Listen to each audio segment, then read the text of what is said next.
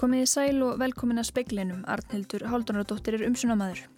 Sigriður Andersen, þingmaður sjálfstæðisflokks og fyrverandi dómsmálar á þeirra, segir að réttarhöld mannréttindadómstóls Evrópu í landsréttarmálinu séu pólitíst at. Fariverður í rúmlega 100 miljóna króna framkvæmdir til þess að búa landsbítalan undir komu kórunaveirunar. Verði samið umfram lífskjærasamningin í kjara viðræðum sem nú standa yfir getið að haft í för með sér keðjuverkun sem þýtti minkandi kaupmátt, þetta segir Sælabankastjóri. Mikill vöxtur er í ámvíðum land og rétt að huga niðurföllum vegna leysinga. Fulltrúi utanríkisraðuneytisinn segir kínverska fjarskipta fyrirtækið Huawei hafa ríkari skildur gagvart Kína en fyrirtæki í vestrænum ríkjum hafi gagvart stjórnvöldum. Óljóst er hversu mikið fyrirtæki mun koma á uppbyggingu 5G-kerfis á Íslandi. Og speillin ræðir við Seldu Perkins sem vann fyrir Harfi Weinstein og þátt í MeToo-sögunni. Sigriður Andersen, þingmaður sjálfstæðisflokks og fyrirverandi dómsmálar á þeirra, segir að það myndi reynast yfirdeilda mannreitinda dómstóls Evrópu erfitt að snúa við niðurstöðu undirdeildar í landsréttarmálinu. Í hennar huga eru réttarhöldin pólitíst að. Yfirdeild domstólsins í Strasborg tók máli fyrir í morgun. Stígur Helgarsson, frettamæður er í Strasborg og fyldist með réttarhöldunum. Stígur Sigriður Andersen var þarna viðstöld eins og margir aðrir Íslandingar en eh, Sigriður áenga aðild að málinu, eða hvað? Nei, hún á enga aðild að málinu. Uh, hún var auðvitað dómsmálar á þeirra þegar þetta mann yfir en málið er bara höfðað gegn Íslenska ríkinu og, og hún eh, var þarna í sjálfu sér bara sem eh, hafði ekki hlutverk þarna umfram aðra, aðra Íslandíka sem á svæðinu voru. Uh, hún en við hins vegar töluðum við hana að, að málflutningnum loknum. Og við spurðum hana meðal annars uh, Hvað myndi gerast ef yfirdildin snýr þessum dómi? Hvaða áhrif það hefði á hana og hvort hún myndi gera kröfu um það að verða aftur ráþurra? Þetta málu þetta snýst ekkert um mína personu sérstaklega og ég ger enga kröfur neitt til eða frá. Það á engin kröfur til þess að ráþurra en bæta. Uh, ég myndi fagna því ef að þessu uh, dómi, ef að neðustan er því hér önnur uh, en í undirstu þótt ég hafi ekki mikla trú á því. Meðal annars vegna málsmeðferðar regluna sem að hér gilda og samsetningu dómarana hér. Og það, ég stendu það sem ég hef áður sagt þetta er pólitíst at sem á hér, sem á hér stað.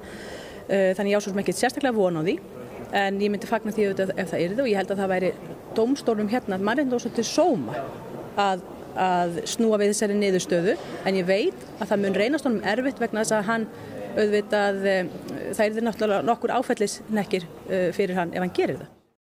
Saði Sigriður á Andersen. Alls hafa um 25.000 tilfelli Wuhan koronaveiru verið staðfest lang flest í Húbei héræði í Kína. Þá hefur veiran greinst í 25 löndum utan Kína þar af í nýju Európaríkjum. Flest eru tilfellin í Tælandi, Japan, Singapúr og Hong Kong. Tæplega 500 hafa nú látist af völdum Wuhan koronaveirunar en um 1000 jafnað sig að veikindunum. Um 18 miljónum var í dag fyrirskipað að halda sig innandira í þremur borgum í Kína til að hindra frekari útbreyslu. Í dag greindu kínversk stjórnvöld jafnframt frá því að rúmlega sólarhingsgamalt barn væri smitað. Rúmlega 100 miljóna króna framkvæmdir á landspítalunum til þess að búa sjúkrahúsið undir komu veirunar skipta öllu máli í baróttunni gegn henni. Þetta segir Guðlaug Rakel Guðjónsdóttir, framkvæmdastjóri meðferðasviðs spítalans. Hún segir að undirbúningur fyrir hugsanlega komu veirunar sé í fullum gangi. Sko hann hefur í raun verið gengið mjög vel. Hann hefur gengið mjög rætt, hann hefur gengið vel. Farsóttanemndin okkar er búin að vinna ótrúlega gott verk á mjög stuttum tíma þannig að það er komið svona verkferðlar og, og undirbúningur alveg á fullum gangi. Já. Það stendur til að ráðast í framkvæmdar á spítalanum, eru þær hafnar? Já, þær er byrjað að undirbúa þær, þannig að þær eru hafnar að þýleitunum til, já, og það er byrjað að undirbúa þær. Hversu miklu máli skipta þessar framkvæmdir fyrir baráttunar gegn verunni ef og þegar hún kemur? Bara skiptir öllu máli. Eh, fyrir baráttunum við þessa veru og það er næstu sem munu koma því að eh, það er ekkert sem segir okkur að það mun ekki koma að setna af aðrar verur þannig að þá erum við tilbúin með okkar útbúnað. Saði Guðlaug Rakel Guðjónsdóttir í viðtali við Jóhann Bjarnar Kolbensson. Ásker Jónsson, Sæðlabankastjóri, segir að kaupmáttur hafi aukist hér á landi á liðnum misserum. Verði samið umfram lífskjara samningin þá geti hafist höfrungalaup sem hefði í förmið sér minkandi kaupmátt.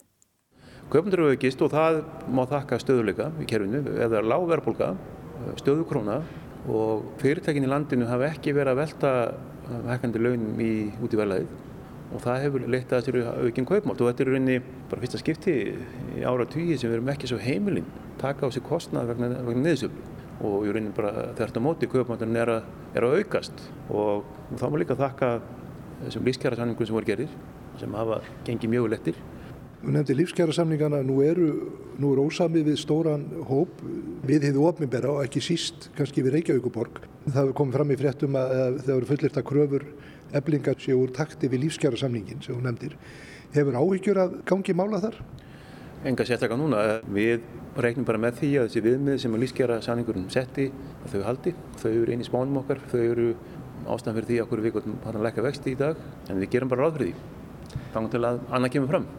Það er náttúrulega spurning, ef, ef þeir semja ekki í samræmi við lífskjærasamningin, hefur ágjörðu því að það verði þá þetta svo kallað höfrungalöp?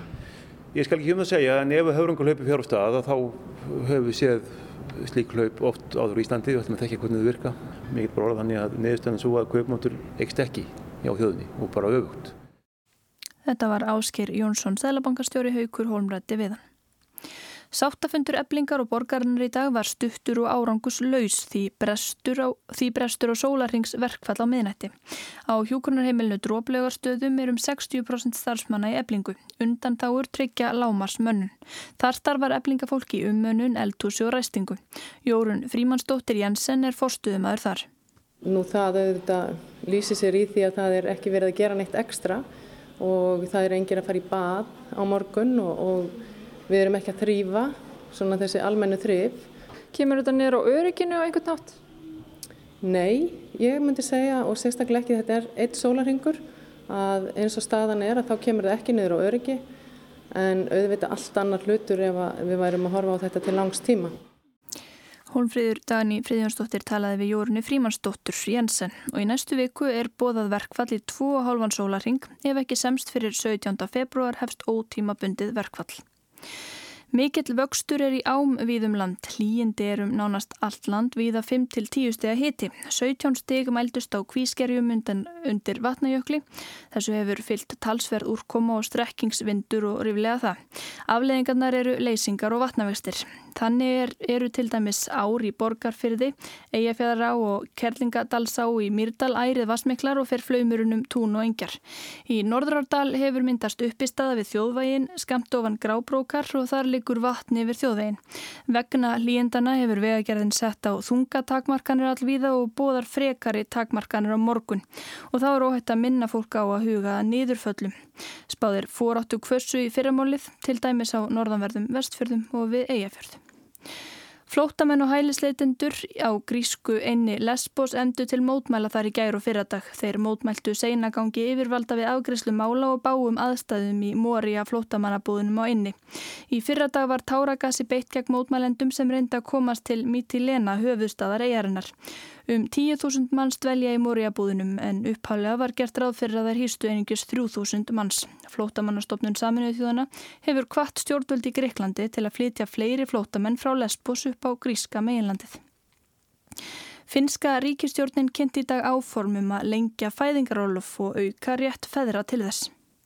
Verði áformin að veruleika verður fæðingarorlofið lengt í 14 mánuði samtals. Hvort foreldri á rétt árumlega 6 mánuðum, auk þess sem móðurinn fær 1 mánuð aukalega sem kallast þungunarleifi. Hvort foreldri má gefa hínu um það byrj 3 mánuð af sínu leifi og verður þar alveg að taka rúmlega 3 mánuði hið minsta. Æno Kæsa Pekkonen, hilbreyðisar á þeirra Finnlands, kynnti tilurnar í dag. Hún sagði þær róttækar og með þarfir bassins í fyrirúmi. Breytingunum er meðal annars ætlað að hvetja karla til þess að taka lengra fæðingarorlof en finskir og danskir karlar eru eftirbátar annara norrætna karla þegar kemur að því að verja tíma heima með lífættum börnum sínum. Íslenskir karlar nýta hlutfarslega best norrætna karla rétt sinn til fæðingarorlofs. Sænskir foreldrar búa við lengsta fæðingarorlofi í Evrópu, þar getur hvort foreldri verið í fæðingarorlofi í 34 vikur. Sanna Marín, forsætisráþara Finlands, sagði fyrir stuttu að enn vantaði talsvert upp á að jafnbretti væri náð þar í landi og sagði að of fáir feður verðu tíma með börnum sínum á unga aldri. Jóhann Hlíðar Harðarsson saði frá.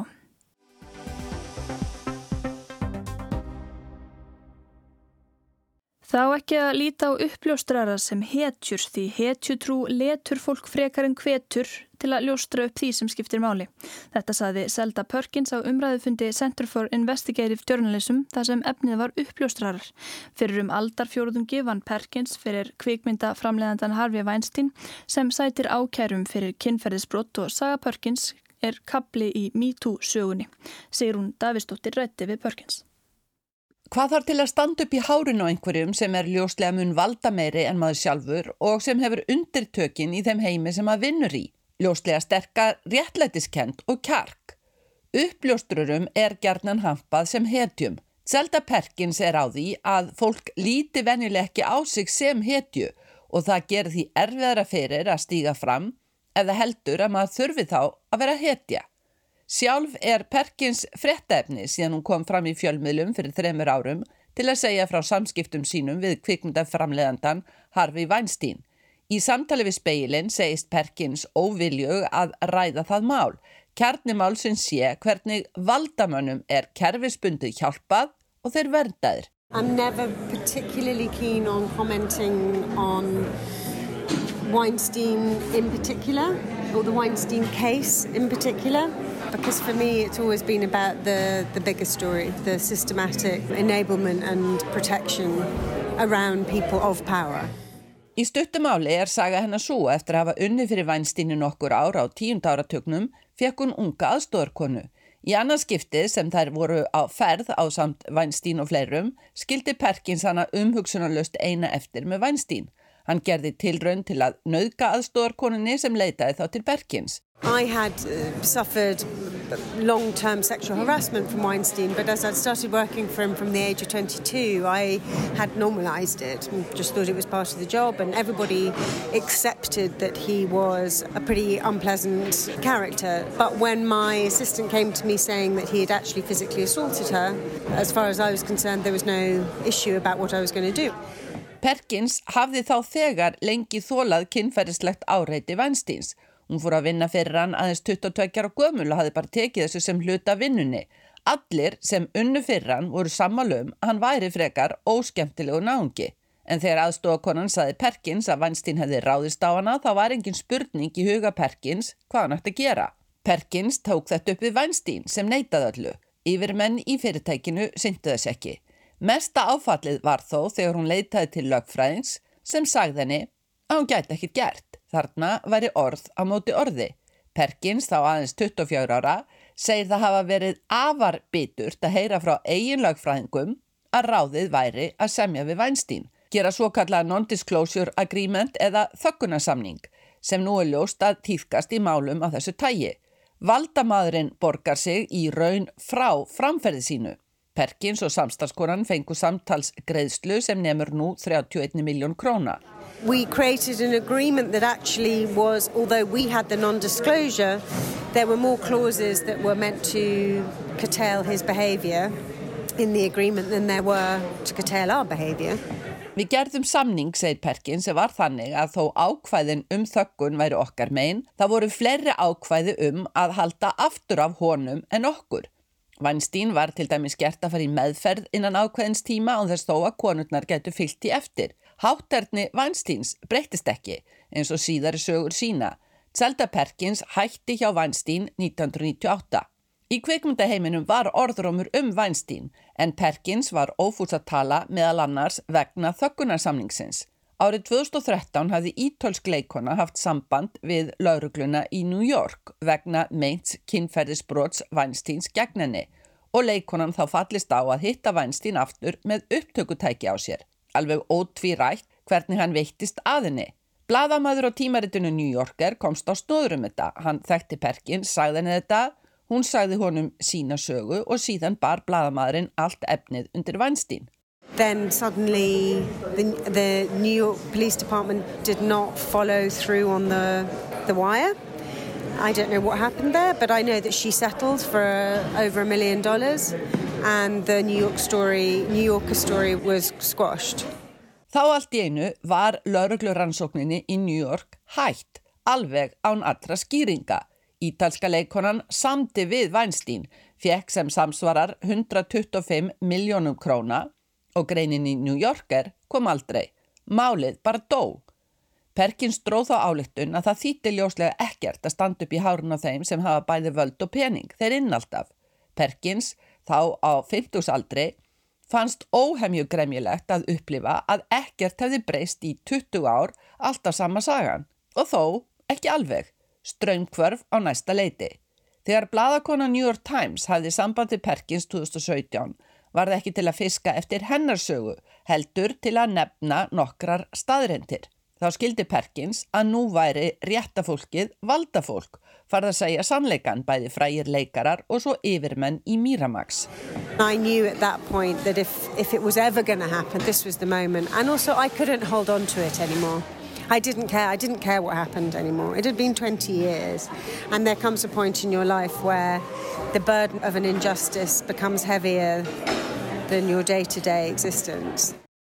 Perkins vissi þá að ef sagan um Weinstein ætti einhver tíma eftir að koma fram þá væri það núna. Hún ákvaða að láta slagstanda og segja sína sögu sama hvað. Það voru komin 20 ár og það kemur að því, segir hún, að byrðar óréttlætisins verða þingri en allt annað. En hvað breyttist? Akkur var allt í enu hægt að tala um kynferðisafbrót hátsettra valdamanna? Perkins nefnir að það hafi á nefa sitt að segja að Donald Trump sé nú valdamesti maður í heimi. Fólk ekki jafn tilbúið og áður að bara taka hlutunum. It's a mysterious moment in a way. There isn't one factor. It's not just because of Trump. You know, we've had Bill Cosby, we've had Roger Ailes, we've had Jimmy Savile in the UK. The sea tide was moving in that direction. Einhver dölúð í þessu en engin skýring, segir Perkins, ekki bara út af Trump, líka mál bandaríska leikarans Bill Cosby, Roger Ailes, forstjóra Fox fréttastofunar og í Breitlandi var það sjónvastjarnan Jimmy Savile. Það urðu strömmkvörf og svo bara hefni, segir Perkins. Þó Perkins sé fræðilega séð en bundin af þöggunarsamningnum við Weinstein hefur engin lagfræðingur haft samband við hann eftir hún sagði sögu sína.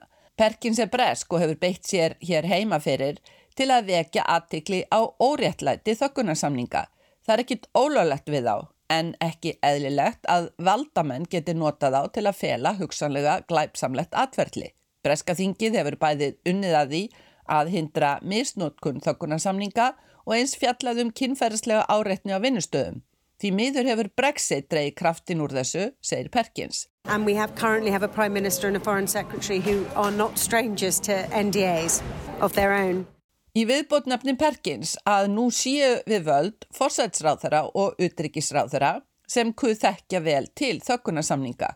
Hér vísar Perkins til frétta um að bæði Boris Johnson forsætsráðara og Dominic Raab utryggisráðara hafi notað slíka samninga til að þakka niður í kvennfólki sem þeir hafi átt vingott við. Það vantar því kraftin í þessa umræðu sem stendur, segir Perkins, og enn mikið verk að vinna í þessum efnum. En hver er þá lærdómur Perkins að þessari glímu hennar við réttlætið? Don't always believe what lawyers tell you. Don't be afraid to push back. And never ever be afraid to speak the truth. Ekki trúa öllu sem lagfræðingar segja, ekki hræðast að andæfa og aldrei hræðast að segja sannleikan, svara Perkins að bræði. Annað sem hún lærði er að þó hún skilji forsendurnar er hún ósátt við margt að því sem hennar eigin lagfræðingar hafi ráðlagt henni. Laugin eru fræðigrein, ekki lífið, segir Zelda Perkins.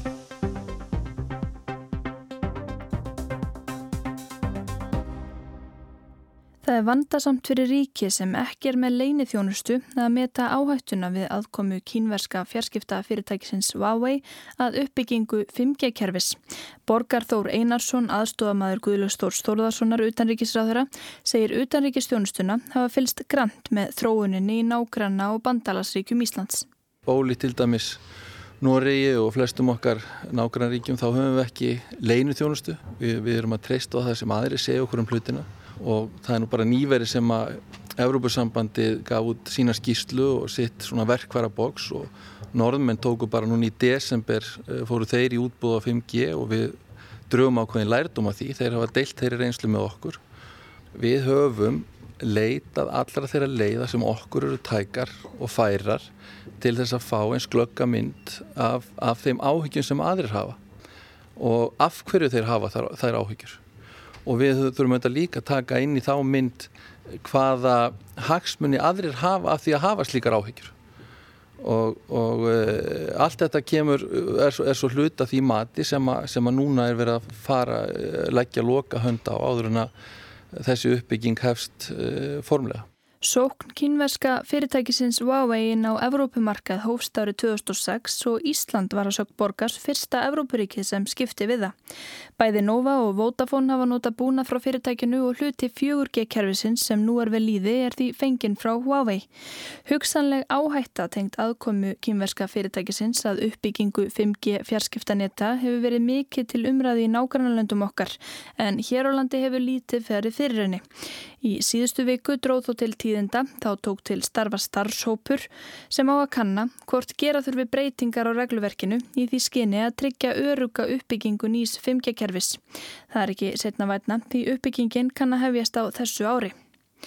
Nýja háhraðanetti 5G verður ólíkt forveranum 4G. Það verður líkil hluti af innviðum hins snjallvæta þjóðfélags og grunnurinn að fjórðu innbyltingunni. Eftir nokkur ár verður nánast allt tengt þessu kerfi, ekki bara farsímar, heldur líka heimilistæki, faratæki, umferðin og helbriðiskerfið. Trublanir í kerfinu gætu því varðað þjóðar öryggi. Þeir sem vara við Huawei óttast helst að kínversk stjórnvöld kunni að nýta sér tök sín á fyrirtækjunu til þess að njóstna eða hafa afskipti af öðrum ríkjum.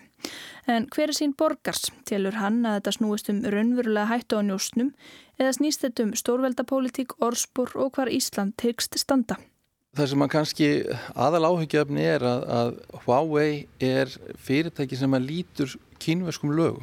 Kýmsk lög eru nokkuð afgjörandi með það að, að það eru fyrirtæki sem starfa í þjónustu ríkisins líka. Huawei hefur skildum að gegna gagvart kýmverska ríkinu sem eru miklu mun meiri og dýbri og, og hérna, róttakari heldur en kannski það er skildur sem að önnu fyrirtæki hafa gagvart stjórnvöldum í vestrannuríkjum. Þetta, þetta veldur áhyggjum og skiljanlega og, og það er allavega mín skoðun og flestra sem hafa skoða. Það er, er, er ástæða til að fara með gátt. Borgar segir að utanrikiðsraðunetið sé ekki undir neinum þrýstingi frá Huawei. Það hafi ekki átt í neinum samskiptum með fyrirtæki sjálft um uppbyggingu 5G-kerfis hér. Forsvarsmenn fyrirtækisins hafa vísað því á bug að það myndi njósna fyrir kýmverk stjórnvöld eða stefna upplýsingauriki viðskiptavinna í voða. Borgar nefnir þær ólíku leiðir sem brettar og norðmenn hafa farið í þessu. Brettar völdu að heimila Huawei að bjóða í ytri hlutakerfisins í kjarnakerfisins hugbúnaðnum sem gögnin sjálf streyma um verður hins vegar notaður búnaður frá öðrum byrgjum. Brettar telja þetta öruga leið, þeir eru með leini þjónustu og sérstakka tölvu öryggismiðstöð sem rannsakar búnaðinn og hafa því burði til að fylgjast með áhættun og bregðast viðvakni grunur um njósnir eða afskipti. Íslensk stjórnvöld eru ekki færum þetta. Norðmenn fóru allt aðra leið stjórnvöld setja upp ákveðna kríterju í Nóri er miðast það við lögum þjóðaröryggi og að þeirri kríterju fenginni að þá sjá fyrirtækin sér ekki hagi því að fara í samstarfi á vei um þessu uppbyggingu. Hollendingar hafa farið svipaðalið. Borgar segir að ríkinn taki þessar ákvarðanir af einhverju ástæðu. Tæknin þróast hratt og mótvægisaðgerðir sem virka í dag hafa kannski litla þýðingu eftir 5-10 ár. Í ljósi þess er óljóst hversu örug breskaleiðin er til framtíðar. Borgar segir að í Breitlandi hafi mikið verið rætt um hvort raunverulega sé hægt að gera greinarmun á kjarnakerfis og öðrum hlutum þess svo sem sendum og möstrum. Þetta er nefnilega algjört líkilatri og þetta er það sem var mjög mikið rætt þarna út í Breitlandi við þessa aðferðafræði þeirra að sérfræðingar þar töldu jafnvel þó svo að e, það væri þessi aðgreining til staðar í dag að hætta að greina kjarnan og verja öryggishagsmunni í kjarnanum eh, út frá uh, gagvart hérna í ytrabyrðinu þá myndi svo aðgreiningsmá saman hverfa. Hugbúnað sé ekki lengur bara að finna í kjarna kervisins, kerfið allt sé að verða snjallara. Svo þróun mun bara halda áfram. Þannig að þetta er hluta því sem við erum að horfa á. Er þetta mat að skiljita upp í kjarna og ytrakerfi er það raunhæft eða er, er leið normannana, hollendingana raunsæri hvað þetta varða? Stendur á því að uppbygging 5G nets hefjist á þessu ári hér á landi og Nova er þegar búið að setja upp tilraunasendi með búnaði frá Huawei. Það þarf því að vinna rætt að því að skýra línur.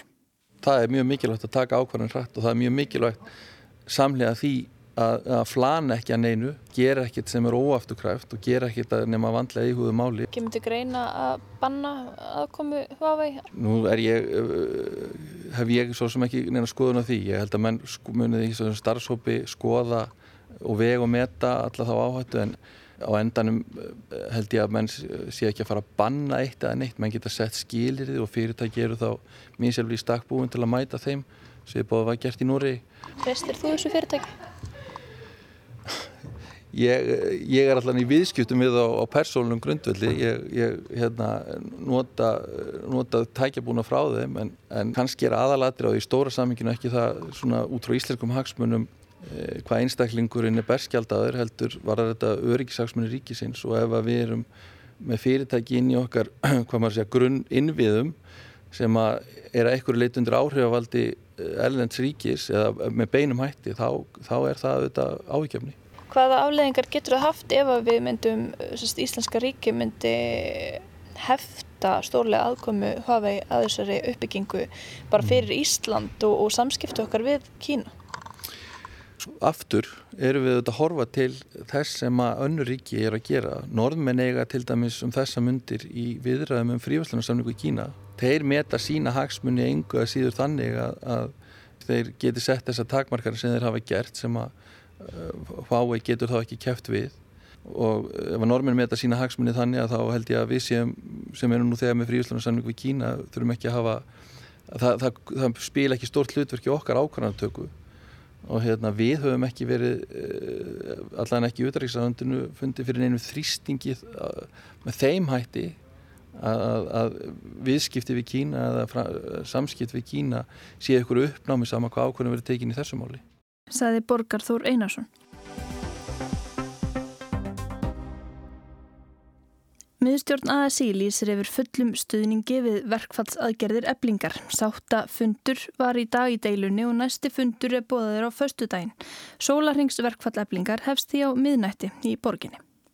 Miðstjórnu Alþjóðsambansins kom saman í dag þar sem fjalla var um kjaradeilu eblingar og borgarinnar. Miðstjórnu lýsir yfir fullum stuðningi við verkvælsaðgerir eblingar, bentur á að kjarasamningar í voru eða svo kallar lífskjarasamningur hafi falið í sér að leiðrætta lægstulaunin, jafna kjörin og auka almenn lífskjæði.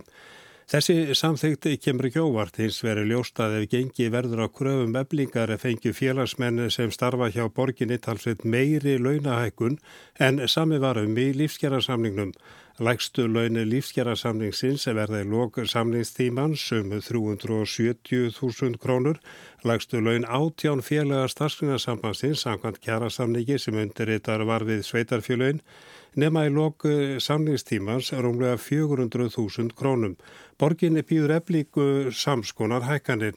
Hins vegar því að kröfur eflingar að laun í lók samningsins fari yfir 450.000 krónur á mánuði. Atkvæða greiðsla stendur nú yfir um samning SGS við sveitafélagin og líkur á sunnudaginn. Forsendu ákvæði lífskjara-samningnum ná ekki til þess að hægt sé að rifta honum á grundulli þess að aðri semjum með meiri launahækkanir. Þau lúta hins vera því að kaupmáttur launa aukist á samningstímanum að vextir lækki verulega og að stjórnvöld standi við gefin lofórn. Launa og fórsendunemnd á að meta hvort þessar fórsendur hafi staðist og skal tilkynna um það í september á þessu ári. Þó að formin innan ASI gaggrín ekki kröfur eblingar hafa ymsir bent á að kröfur félagsins gangi þvert á eða gangi mjög lengra en sami var um í vor. Vandi Reykjavíkuborgar fælst meðal annars í því hver viðbröðu til dæmis leikskólakennara verða ef laun eblingafólks að hækka mikið og þar með mingi launabili melli leikskólakennara og þeirra. Harpa Ólastóttir formaður samninganemndar Reykjavíkuborgar talaði um ákveðin ómöguleika í hátíðisvéttum og vísaði þá til meðal annars viðbræða leikskólakennara. Þannig ef að við sjáum ómöguleika í því að ganga frá kjærasamningi við eblingu út frá öðrum hópum að þá stóðar verkvall ekkert hvað það var þar. Þetta var Harpa Ólástóttir, ekki verið nást í fórustu með kennara í dag. Arnar Páll Haugsson saði frá. Veðurhorfur á landinu, sunnan stormur í fyrramáli með vætu og hlýjendum, dregur og vindu og úrkomi eftir hádegi á morgun og kólnar í veðri. Og þá er ekki fleira í spekli kvöldsins. Það var Rappkjell Sigursson sem sendi út í kvöld. Verið sæl.